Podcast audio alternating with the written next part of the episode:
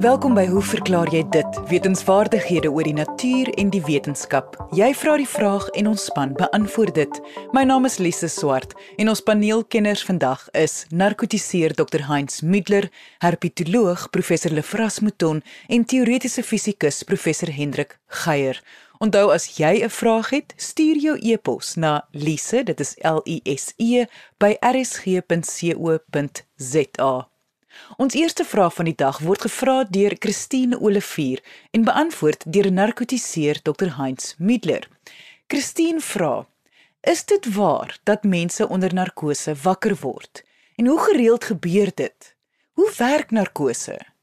Dr Middler Dit is seker een van die grootste vrese van pasiënte wat moet gaan vir operasie.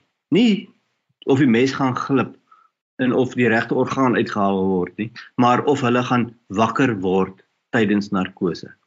Hulle wil nie bewus wees nie. Hulle wil nie weet wat aangaan nie. Hulle wil nie wakker word en voel daar word aan hulle gewerk en hulle kan niks doen nie. En dit is dit nie ongegronde vrese nie, want in die verlede was dit so en het dit gebeur.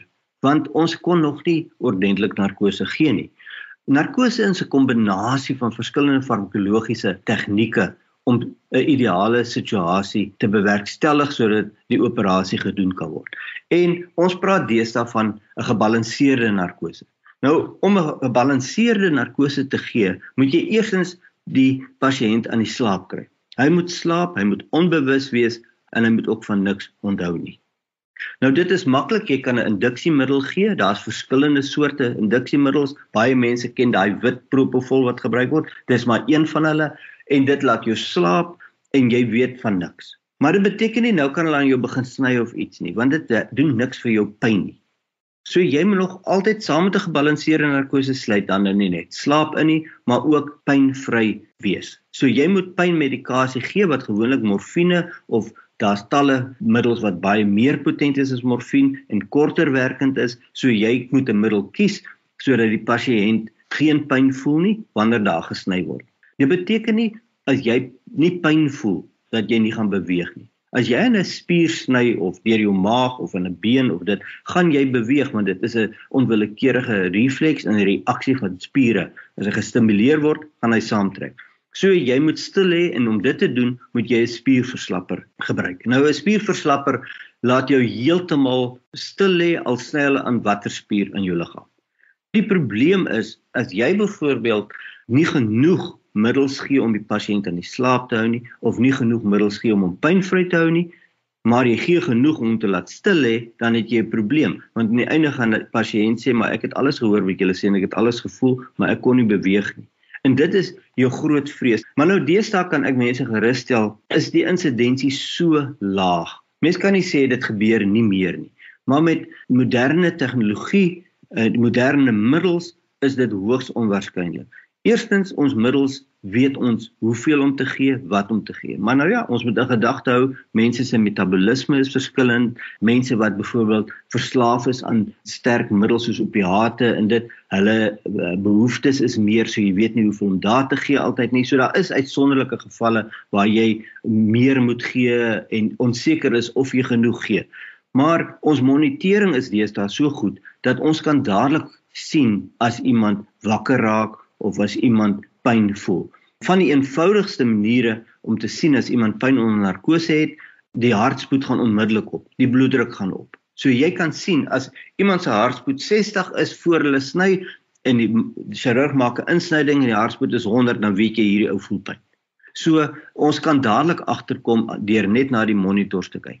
Ook het ons monitering wat ons aan die skedel koppel sodat ons kan sien wat se breinaktiwiteit. So ons kan agterkom die pasiënt slaap definitief vas. Hy of sy weet van niks nie. So in moderne narkose is dit feitelik onmoontlik dat die narkotiseer nie geagterkom daar is fout nie. En dit was narkotiseer Dr Heinz Middler. Indien jy 'n vraag het, stuur jou e-pos na lise@rsg.co.za. Ons volgende vraag word gevra deur Alfons Ferreira en beantwoord deur herpetoloog professor Lefras Mouton. Alfons skryf: Ek hou wetvlugduwe aan en wil graag weet of daar kontak tussen duwe van dieselfde hok tydens 'n wetvlug is. Sal twee duwe wat byvoorbeeld opgepaar is en aan dieselfde wetvlug deelneem, mekaar herken en dan saamvlieg? Uh, Lefras, miskien moet jy net eers ter wille van leuke soos ekke baie kortliks verduidelik hoe hierdie wetvlugte waarvan Alfons praat werk.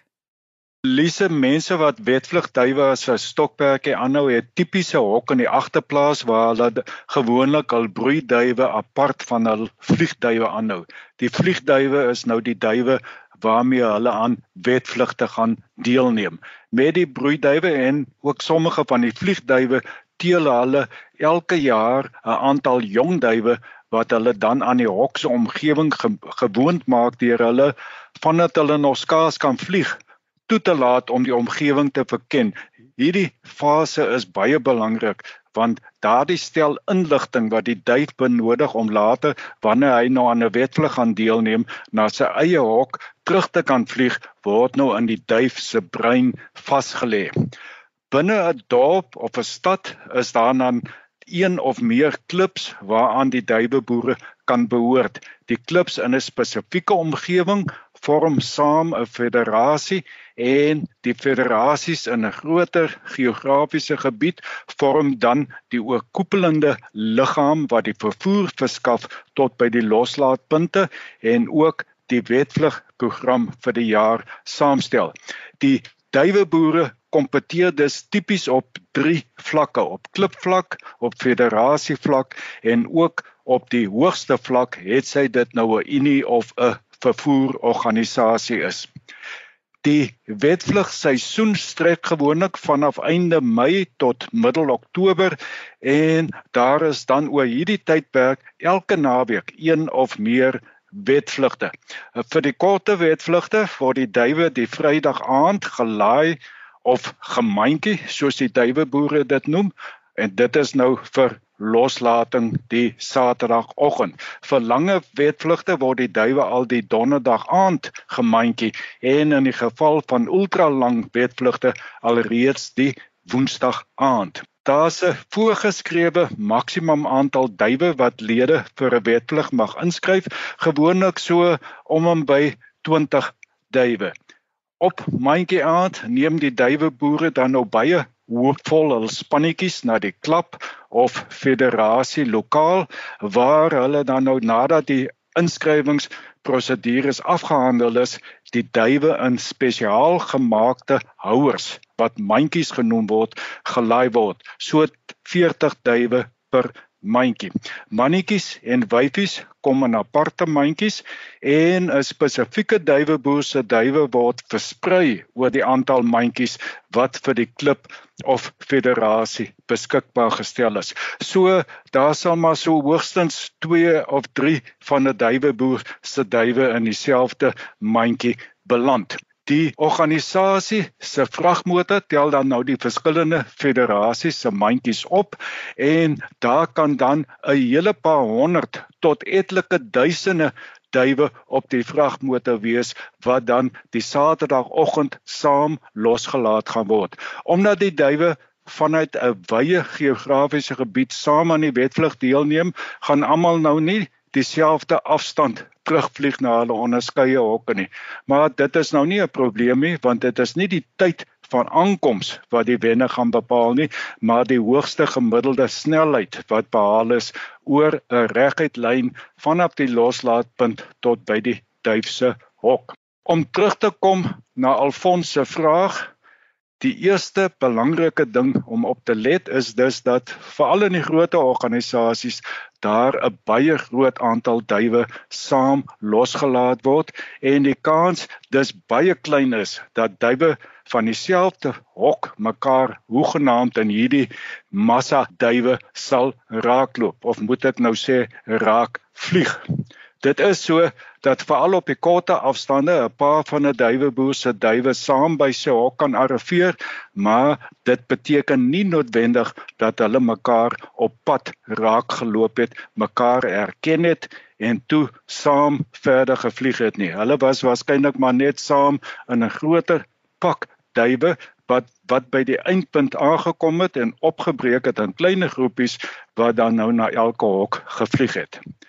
Ek het wel die volgende waarnemings by my eie hok gemaak.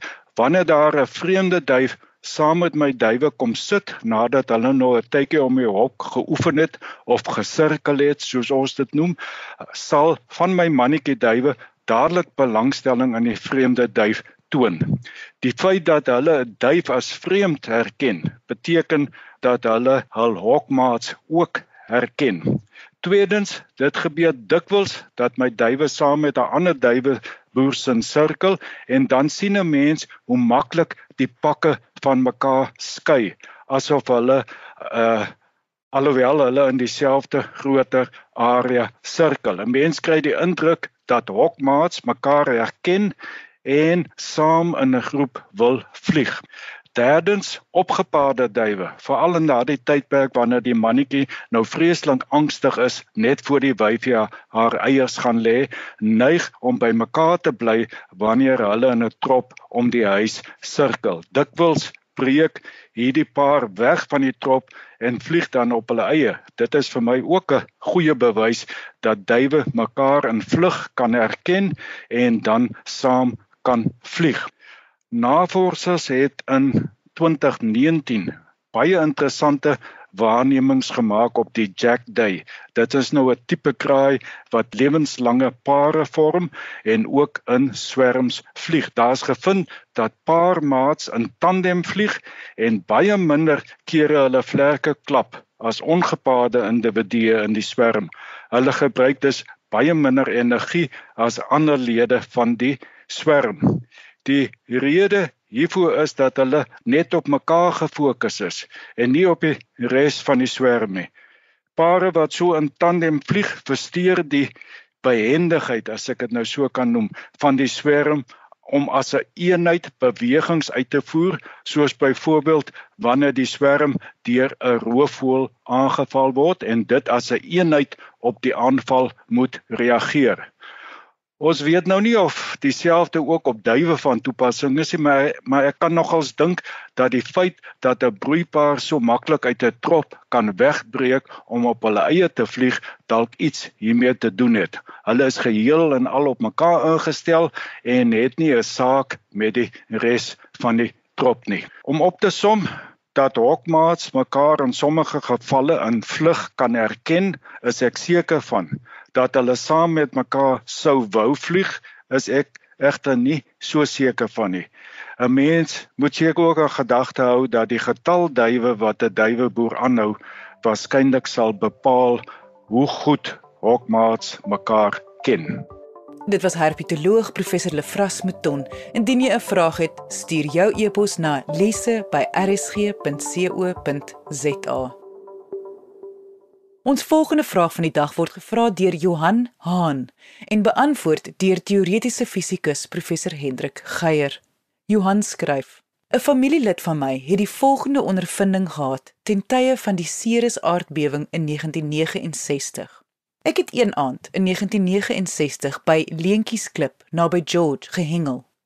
Skielik het daar 'n helder voorwerp vanaf 'n noordoostelike rigting oor my kop gekom en in 'n suidwestelike rigting beweeg. Dit het soos 'n helder ster gelyk. Dit het redelik vinnig beweeg en was ook redelik hoog. Ek het dit gevolg totdat die voorwerp op die horison in die see verdwyn het. Op daardie presiese oomblik toe dit in die see verdwyn het, voel ek 'n trilling soos 'n aardbewing. Eers toe ek later by die huis kom, het ek op die radio gehoor dat daar 'n groot aardbewing die Boland getref het. My vraag is: het die verskynsel iets met die aardbewing te doen gehad? En indien wel, wat is die wetenskaplike verklaring daarvoor? Professor Geier? Uh, Johan, ek moet nou ongelukkig hier op 'n redelike negatiewe noot afskop deur vir jou te sê uh, dit is eintlik feitelik onmoontlik om om 'n sinvolle analise te maak met die inligting wat jy gee so lank na die gebeurtenis en moet ek sê ook met met relatief min inligting maar kom ek probeer ten minste vir jou sê wat ek weet en wat ek agter kon kom en hoekom ek dink ons nie eintlik veel nader aan die kap van die byl hier gaan kom nie. So wat weet ons van die Tilburg uh en omstreke aardbewing? Dit was op 29 September 1969 net na 10:00 die aand Dit word aangegee as 'n 6,3 momentskaal klas aardbewing. Nou momentskaal is iets wat deesdae deur die mense wat met hierdie goed werk eerder gebruik word as die as die Richterskaal, maar uh, vir alle praktiese doeleindes tot hier by omtrent 6 7 op die Richterskaal is dit numeries ekwivalent aan die momentskaal. Dis eers hier by by baie groot aardbewings omtrent 8 en groter wat die Richterskaal se definisie nie meer bruikbaar is nie.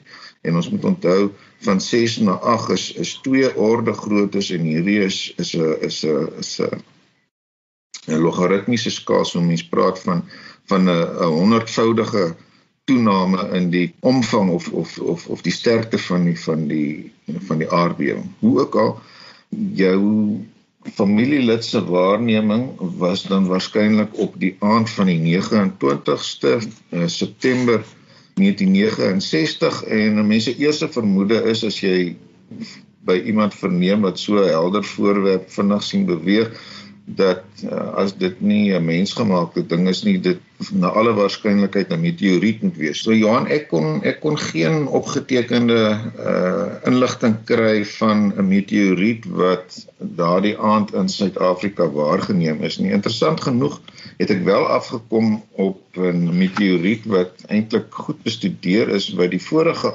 dag uh by 'n plek met die naam van Murchison in Australië, dis omtrent so 200 km noord van Melbourne geval het. Nou wat wat hierdie ding interessant gemaak het was dat dit een van die min kere is waar 'n meteoriet gesien is uh en waar die brokstukke agterna opgetel kon word natuurlik nie noodwendig almal nie maar mens lees dat meer as 100 kg fragmente van hierdie meteoriet oor 'n baie oppervlak ten minste 15 vierkante kilometer uiteindelik opgetel is, maar duidelik uh is die tydsverskil tussen wat daar gebeur het en wat jou familielid gesien het net te groot dat dit enigstens met mekaar verband kan hou. Mense ook kon vra in die algemeen kan kan aardbewings aanleiding gee tot vulkane. 'n Mense onmiddellike aanvoeling sou wees dat dit redelik waarskynlik is afhangende natuurlik van van waar die aardbewing plaasvind. As 'n mens egter op die uh, Amerikaanse uh, regeringsblad gaan lees wat met hierdie goed werk, is hulle nogal uh versigtig om om om direkte verbande te trek tussen die goed. En ons weet in elk geval dat daar nie enige vulkaniese uitbarsting met die Tilbag aardbewing gepaard gegaan het nie. So dit kan ook nie die bron wees van enige enige ligflits wat waargeneem is nie. So uh, ek is bevrees uh, Johan Uh, my my antwoord is uh mens kan nie maklik hier 'n uh, uh, 'n sinvolle konstruksie maak nie en ek dink dit is eintlik hoogs onwaarskynlik dat die helder voorwerp enige iets met die aardbewing self te maak gehad het. Uh na alle waarskynlikheid was dit 'n meteoriet, uh nie 'n grootte nie want dan sou daar meer inligting daaroor beskikbaar gewees het. Jy het wel spesifiek gesê dat jou familielid uh, in 'n aardbewing of 'n trilling gevoel het soos 'n aardbewing. Nou interessant genoeg, ek kon afkom op 'n webbladsy waar mense moeite doen om ooggetuie inligting in die geval van aardbewings moet mense seker sê hoor getuie of voel getuie inligting op op kaarte aan te bring uh, wat dan nou woordeliks weergee wat mense gesê het oor wat hulle gevoel het en interessant genoeg op in verband met die Tilbag skudding kry 'n mens hier rondom die Suid-Kaap niks wat opgeteken is nie. Nou uh, ek sê nie dat jou uh, familielid se waarneming niks met die aardbewing te doen gehad het nie. Dit is seker heeltemal uh, 'n uh, moontlikheid, maar ek weet ook nie hoe betroubaar hierdie hierdie kaarte is wat ek nagegaan het nie want ek het agtergekom Durban word word aangegee as 'n plek naby Beaufort Wes. So mense wonder nogal oor die akkuraatheid daarvan. Maar opsommender wys Johan uh Ek dink nie daar was enige verband tussen die lugflits en die aardbewing nie en die lugflits was heel waarskynlik 'n meteoriet. Jy luister na Hoe verklaar jy dit op RSG 100 tot 104 FM. Dit was teoretiese fisikus professor Hendrik Geier. Dit is nou tyd vir ons kitsvraag van die week wat deur medikus Dr Heinz Middler beantwoord word en deur Christo van Koster gevra word. Wanneer 'n persoon onbeskermd aan die intense lig van 'n swysmasjien blootgestel word, kry jy arc eyes. As die lig met 'n spieël gereflekteer word en 'n persoon word dan daaraan blootgestel, sal hierdie persoon ook arc eyes kry.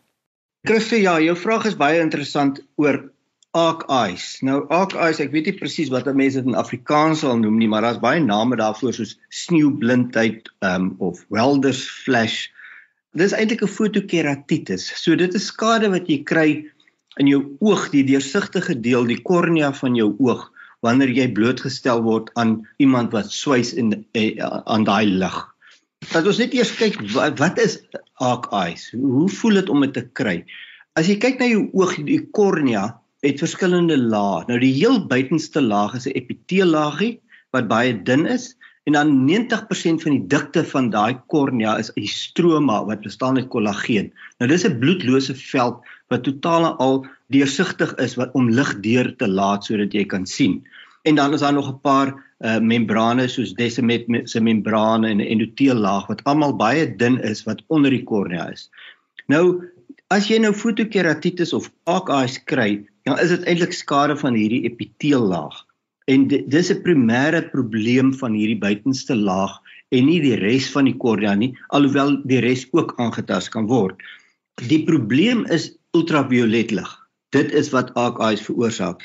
So wanneer jy blootgestel word daaraan, dan begin jy swelling kry of edeem van hierdie selle en dan die vog wat daaraan is verlaag die deurlaatbaarheid van hierdie uh, struktuur en dan kan jy nie meer lekker sien nie. Jou oë raak rooi, dit raak ligsensitief dit raak seer, jy kry self spasma, jou ooglede begin toeknyp en tipies nadat jy blootstelling gekry het, begin hierdie AKI so 2 of 3 dae na die tyd.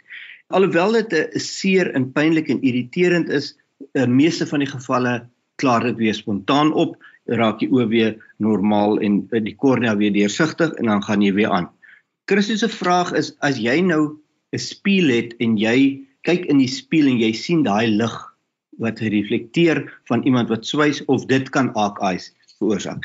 Nou interessant genoeg in die ou dae was spieëls natuurlik net uit metaal gemaak, blink gepoetste staal of um, aluminium of goud of koper of watse metaal ook al hulle kon kry.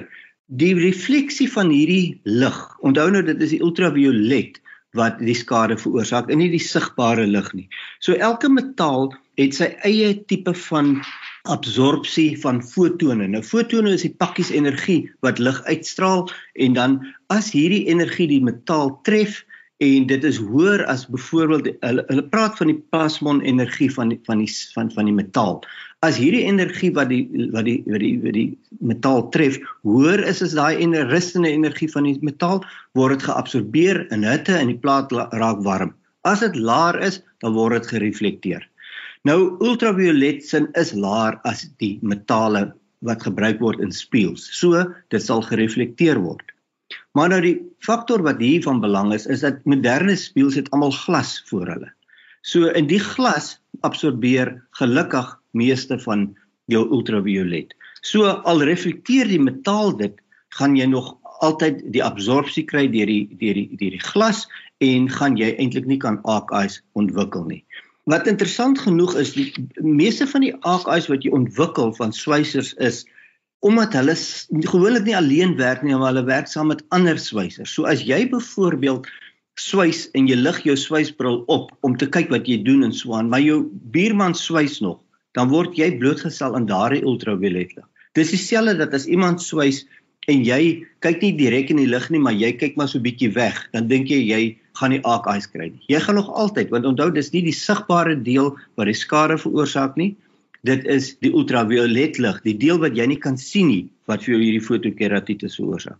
So jy sal heeltemal moet of jou bril aanhou dra of jy sal moet wegkyk, uh, heeltemal omdraai sodat jy glad nie die ultraviolet blootstelling gaan kry nie. Medikus Dr. Heinz Middler Indien jy enige vrae het, kan jy jou e-pos stuur na lise@rsg.co.za. Ek sê baie dankie aan ons kenners en vraagstellers vandag. Lekker dag verder tot volgende week net hier op RSG. Totsiens.